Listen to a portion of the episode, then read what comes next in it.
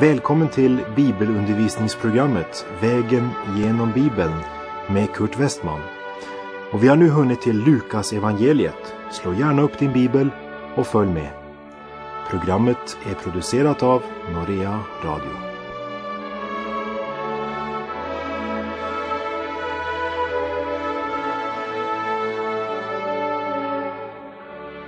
Vi ska fortsätta och ta ytterligare några steg på vår väg genom Bibeln. Och vi har nu kommit till Lukas kapitel 4. Kapitlet innehåller Jesu frestelse i öknen, därefter hur han återvänder till Galileen där han förkastas i sin hemstad Nasaret. Han flyttar till staden Kapernaum och fortsätter sin gärning. I Lukas kapitel 3 hörde vi hur Jesus blev döpt av Johannes i Jordanfloden. I dopet gav Jesus sitt ja till Gud. I frestelsen sa han nej till djävulen. Det blir ofta sagt att frestelsen är en förberedelse för den offentliga tjänsten. Men djupast sett så är frestelsen en del av Jesu gärning och hör med till hans kallelse. I dopet blev Jesus iklädd Andens kraft att gå korsets väg. I frestelsen blev det bevisat att han var redo att gå den vägen när han avstod från erbjudandet att gå en lättare väg. Och vi fortsätter med att läsa Lukas kapitel 4, verserna 1 och 2. Jesus återvände från Jordan uppfylld av helig ande och ledd av anden var han 40 dagar ute i öknen där han sattes på prov av djävulen. Under hela denna tid åt han ingenting och när den var slut blev han hungrig. Jesus frestas som människa av Satan. Det var mänskliga frestelser som vi alla kan möta det täcker allt som vi kan möta, även om det kommer i tusentals nyanser och varianter. Men allt ryms innanför ramen av dessa tre frestelser. Först frestelsen att missbruka sin myndighet genom att göra stenar till bröd för att tillfredsställa kroppens behov. För det andra en frestelse att bli upptagen av rikedom, makt, jordisk ära och berömmelse. Och det tredje en frestelse att imponera på människomassan genom att sätta Guds omsorg på prov. Vi ska se på frestelserna som Jesus mötte, så som det återges av Lukas. De synoptiska evangelierna, Matteus, Markus och Lukas, har alla nedtecknat Jesu frestelse i öknen. Johannes däremot har inte med denna händelse därför att han pekar på Jesus som Guds son med fokusering på hans gudomlighet. De synoptiska evangelierna fokuserar på hans mänsklighet. Han blev frestad som människa. Och i Lukas evangeliet presenteras Jesus som sann människa. I Lukas 3.38 skriver han son till Enos, son till Set, son till Adam, son till Gud. Det är Marias släkttavla som spårar Kristi släktlinje helt tillbaka till Adam. Genom att vara en Adams son förs han helt tillbaka till början av det mänskliga släktet, av vilket också du och jag är medlemmar. Det var som människa att han blev frestad, som det står i Hebreerbrevet 2.18. Eftersom han själv har prövats och lidit kan han hjälpa dem som prövas. Eller som det står i Gerts översättning, Just genom att han själv lidit och blivit frestad kan han hjälpa den som frestas. Och det är flera saker vi bör lägga märke till när vi läser om hur vår Herre Jesus frestas. Kapitel 4 börjar med orden Jesus återvände från Jordan uppfylld av helig ande. Vi får veta att han var fylld av den helige ande. Som människa måste Guds son bli uppfylld av den helige Ande för att kunna möta frestelserna. Därför kan inte du eller jag heller möta frestelserna i egen kraft. I Romarbrevet 8.3 står det, det som lagen inte kunde göra eftersom den kom till korta inför vår kötsliga natur, det gjorde Gud då han lät sin egen son bli lik en syndfull människa och sände honom som ett syndoffer och dömde därmed synden i människan. Och Galaterbrevet 5.16. Vad jag vill säga är detta. Vandra i ande så kommer ni inte att göra det som köttet har begär till. Kort sagt, vi behöver den helige ande. Skriften säger oss också att innan Jesus blev frestad eller testad som människa så drev anden honom ut i öknen som det uttrycks i Markus 1.12. Med andra ord, Jesus uppsökte inte frestelserna. Även i Getsemane bad han, om det är möjligt, låt mig slippa. En annan sak som det är viktigt att förstå är att Satan är en person. Skriften är tindrande klar på den punkten och gör det klart för oss. Satan är en person. Det finns människor som tvivlar på att det skulle finnas en personlig djävul. Men eh, handen på hjärtat min vän, är det inte svårare att tro att han inte existerar. Bibeln säger oss att Jesus mötte honom ansikte till ansikte. Vi måste inse att Satan är en raffinerad tusenkonstnär som ena gången framstår som ett rytande lejon, nästa gång visar han sig som en ljusets ängel för att om möjligt bedra också det utvalda. Andra Korinthierbrevets elfte kapitel säger att Satan själv uppträder ju som en ljusets ängel. Inte underligt då om hans tjänare uppträder som om de tjänade rättfärdigheten. Ordet frestelse har en dubbel betydelse eller mening.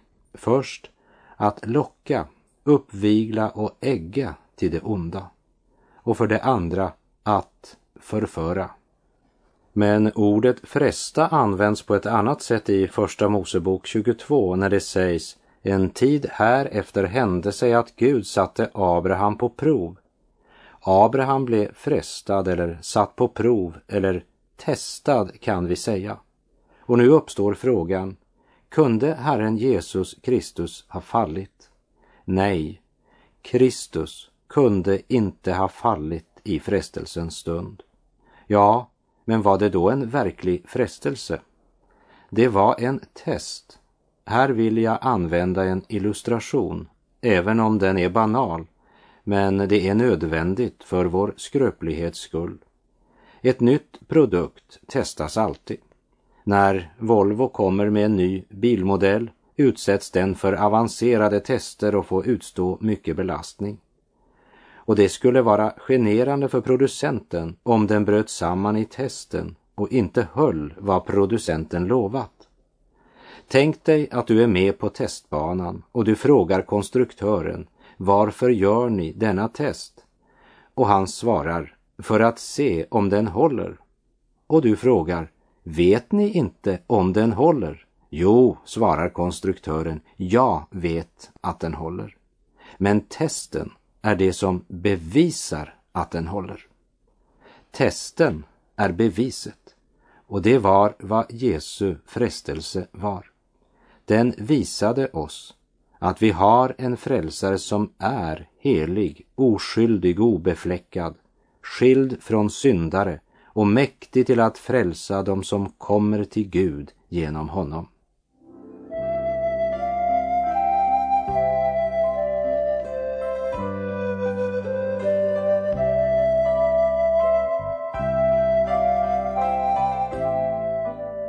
Jesus frestades eller testades fysiskt, psykiskt och andligt. Och först ska vi se på det fysiska i Lukas 4.3. Då sade djävulen till honom, om du är Guds son så befall stenen där att bli bröd. Djävulen bad inte Jesus om att begå något kriminellt. Och vid ett tillfälle gav ju Jesus mer än 5000 människor bröd och vid ett annat tillfälle 4000. Och det är inte något orätt med bröd, men här frestas han att missbruka sin myndighet genom att göra stenar till bröd för att tillfredsställa kroppens behov. Det vore själviskt att använda sin stora makt för att tjäna sig själv. Han måste demonstrera sanningen i den stora principen att människan ska inte leva bara av bröd. Djävulen försöker i den första frestelsen här att få Jesus att tvivla på att det kan vara rätt att Guds son går lidandets väg, även om Fadern i dopets stund godkänt den vägen. Men djävulen vill skapa tvivel genom att fråga, är det rätt? Jesus är mycket hungrig efter 40 dagar utan mat och djävulen talar aktuellt och konkret. Om du verkligen var Guds son, tror du då att du skulle ha det så här då? Det kan inte vara meningen. Om du verkligen är Guds son så kan du göra dessa stenar till bröd och djävulen öppnar för stora framtidsperspektiv. Han kunde bli en brödkung. Så slipper han att lida själv och så blir han väldigt populär hos alla som behöver bröd. Men Jesus svarar med ett Guds ord, vers 4. Det står skrivet, människan ska inte leva bara på bröd. Det är det motsatta av vår materialistiska tidsålder som endast lever för att tillfredsställa kroppens alla infall. Människorna i dagens samhälle säger ät, drick och var glad, i morgon kan du dö. Den gudlösa människan lever i den inbildningen att med döden så är det hela därmed slut och får sitt livs stora överraskelse vid uppståndelsen då hon inser att döden var inte det sista det var bara porten som förde henne in i evigheten. Människan måste ju ha mat för att leva, säger man. I sin bergspredikan i Matteus 6 säger Jesus Gör er därför inga bekymmer. Fråga inte vad ska vi äta? Vad ska vi dricka? Vad ska vi ta på oss? Allt sådant jagar hedningarna efter. Men er himmelske fader vet att ni behöver allt detta. Sök först hans rike och hans rättfärdighet, så skall ni få allt det andra också. Och det är viktigt att lägga märke till att Jesus svarade djävulen med Guds ord när han blev frestad. Så kommer djävulen med den andra frestelsen, verserna 5 till och med 8. Djävulen förde honom högt upp och lät honom i ett ögonblick se alla riken i världen och sade till honom Jag ska ge dig all denna makt och härlighet, ty den har lagts i mina händer och jag kan ge den åt vem jag vill. Om du tillber mig skall allt detta bli ditt. Jesus svarade, det står skrivet, Herren din Gud skall du tillbe och endast honom skall du dyrka. Denna test har att göra med det som Johannes kallar vad ögonen åtrår. I Johannes första brev kapitel 2 står det Ty det som finns i världen, vad kroppen begär, vad ögonen åtrår, vad högfärden skryter med, det kommer inte från Fadern utan från världen. I Edens lustgård så såg Eva på det förbjudna trädet och hon såg att trädet var gott att äta av och att det var en lust för ögonen, ett ljuvligt träd. Satan tog Jesus högt upp, står det. Och inget berg i världen är så högt att man kan se alla riken i världen. Så det handlar alltså om ett djävulskt uppenbarelseunder. Och upplevelsen av detta måste ha varit lika fantastisk som vad frestelsen var farlig. Helt från barnaåren kände Jesus till denna frestelse. Han växte upp i ett land ockuperat av romarna, där Guds folk var trälar under ett hedniskt regim. Och hela Israel var genomsyrat av bönen om att Messias skulle komma och befria dem från fienden. Och nu visar Satan honom alla riken i världen och erbjöd honom makten över detta. Här måste vi nämna att världens nationer utövar sin makt genom brutalitet, politiska intriger och krig. Hat och fruktan är vapnet de använder mot den stora massan. Det är sataniskt. Och Satan erbjuder rikena i världen på de villkoren. Det är denna världens villkor. Så får man makt över de jordiska rikena. Men för att ingå i Guds rike måste människan förvandlas, som Jesus uttrycker det i Johannes 3 i samtalet med Nikodemus. Sannerligen, jag säger dig, den som inte blir född på nytt kan inte se Guds rike. Och nu erbjuder alltså Satan alla riken på jorden med dess jordiska makt och jordiska härlighet. Och så kommer några ord som vi verkligen ska lägga märke till. Satan säger i vers 5 att han kan utlova den makten åt Jesus för den har lagts i mina händer, säger han. Men som vanligt blandar han sanning och lögn. För Satan sa inte ett ord om att makten var stulen och att han snart skulle förlora den därför att Gud är Gud. Men nu erbjuds den makten åt Jesus om han faller ner och tillbeder Satan. I detta ingick också makten över det stora romerska imperiet. Men Kristus var på väg mot tronen via korset. Vers 8. Jesus svarade, det står skrivet, Herren din Gud skall du tillbe och endast honom skall du dyrka. Satan säger, låt oss hoppa över det där med korset. Och Paulus säger att talet om korset är en dårskap för dem som går förlorade. Och låt mig få säga, det är sataniskt att försöka bygga ett rike på jorden utan Jesus Kristus.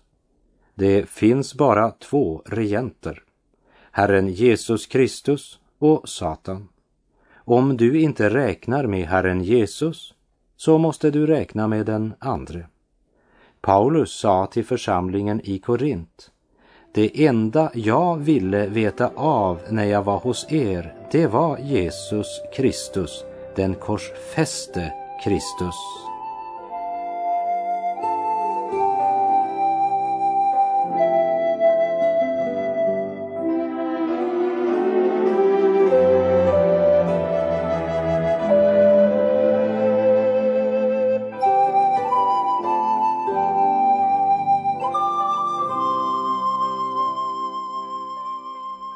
Så kommer vi till den tredje frestelsen, Lukas 4, verserna 9 till och med 12.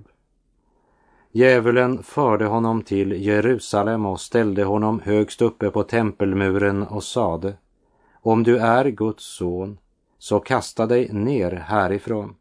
Ty det står ju skrivet, han ska befalla sina änglar att skydda dig, och det ska lyfta dig på sina händer så att du inte stöter din fot mot någon sten. Men Jesus svarade, det står skrivet, du ska inte sätta Herren din Gud på prov. När Satan skulle fresta Eva i lustgården så var en av frestelserna att frukten på det förbjudna trädet skulle göra henne vis och ge henne kunskap. Ja, hon skulle bli som Gud. Johannes kallar det för vad högfärden skryter med i Johannes första brev. Det handlar om det område i livet som gäller ande och tro. Vi ska lägga märke till att det i vers 9 står djävulen förde honom till Jerusalem. Den tredje frestelsen föregår alltså i Jerusalem, där templet är, alltså i Israels barns religiösa centrum. Och att Jesus frestas till att göra ett under på helig mark visar oss att det var en frestelse till övertro, svärmeri. Alltså en frestelse att missbruka sin auktoritet och kraft. Satan vill att Jesus ska demonstrera att han är Guds son. Visa dem, säger han. Bevisa det, då kommer de att ta emot dig. Men det var inte tro, det var antagande. Tro är att vänta på Gud och att göra hans vilja. Och eftersom detta är en frestelse på det religiösa planet så använder naturligt nog djävulen därför också skriften den här gången. Precis som i de andra frestelserna. Och det faktum att både Matteus, Markus och Lukas har nedtecknat detta, det säger mig hur allvarligt det här är och hur stor risken för övertro och svärmeri faktiskt är. Och Jesus säger att detta ska kulminera, det vill säga nå sitt klimax i den sista tiden före Jesu återkomst. Och när Satan från sin stora arsenal av frestelsevapen väljer just övertro, då måste det ju finnas en orsak till det. Och därför bör vi verkligen ta de här verserna och dess budskap in till vårt hjärta. Det är klart att denna frestelse nog är större för modiga och lite järva, aktiva människor som är ivriga att tjäna Gud. Grekerna var överdrivet upptagna av kunskap medan judarna hade ett närmast sjukligt behov av att få se under. Och det är klart att om Jesus hade hoppat och överlevt så hade nog den stora folkmassan upplevt det som ett tecken på att Gud var med honom. Satan talar om framgång och att göra Guds son berömd. Gud talar om korsets väg och om att göra Guds vilja. Satan erbjuder Jesus en genväg till framgång och Satan vet att Jesu kunskap i skriften är hans styrka. Och eftersom det här är en frestelse till andligt övermod och övertro så är det en dubbel orsak för Satan att använda Guds ord vid den här frestelsen.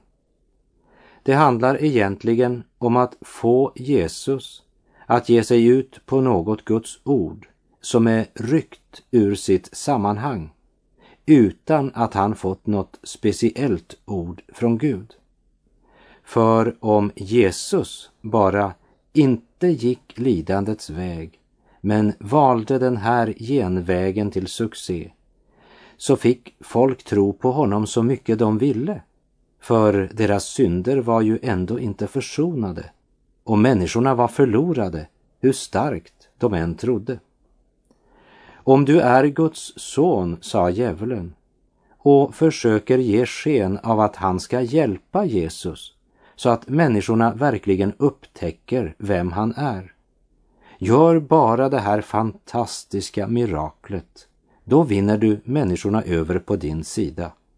Kasta dig ut för stupet bara. Och jag kan bevisa att det är bibelskt. Och så citerar han Saltaren 91, verserna 11 och 12. Det står skrivet, han ska befalla sina änglar att skydda dig. Det var det första citatet. Och så kommer nästa citat. De ska lyfta dig på sina händer så att du inte stöter din fot mot någon sten. Men du måste handla i tro, Jesus. Nu har du hört ordet. Nu ska du bara erkänna att du har det och så praktisera. Du måste tro. Kasta dig ut. Vi ska ta tid att slå upp Saltaren 91 och läsa även de ord som djävulen så behändigt hoppade över. Saltaren 91.11.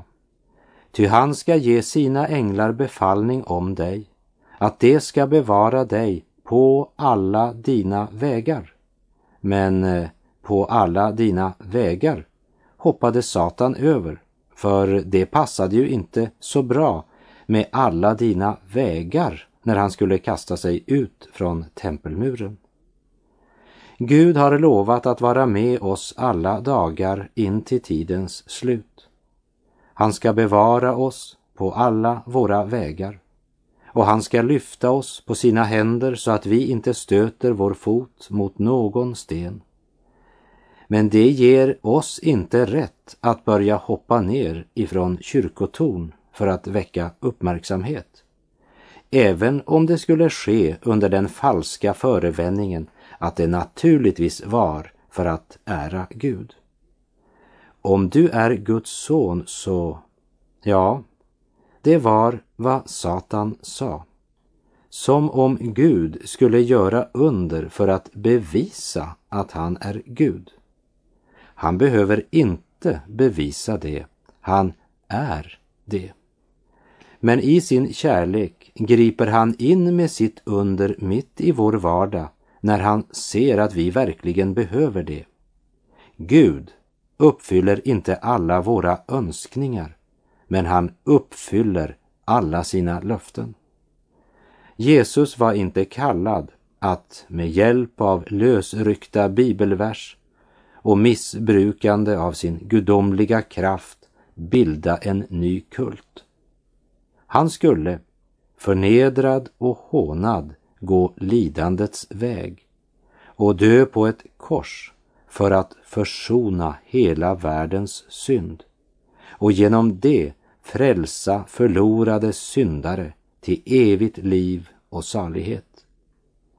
Korsets evangelium är inte ett budskap om hur vi på genvägar ska slippa undan lidande och svårigheter genom uppseendeväckande sensationer. Och evangeliet är inte först och främst ett budskap för de starka, de som kan och som lyckas i livet. Men evangeliet är ett hoppets och livets budskap till förlorade syndare. Det evangelium som inte är för alla människor i alla situationer, det är inte från himmelen. Och det är viktigt att komma ihåg i en tid då många superförkunnare förvandlar både frälsningen och även helandets verk till en fördömelse. Jesus hjälper inte den som tror starkt nog.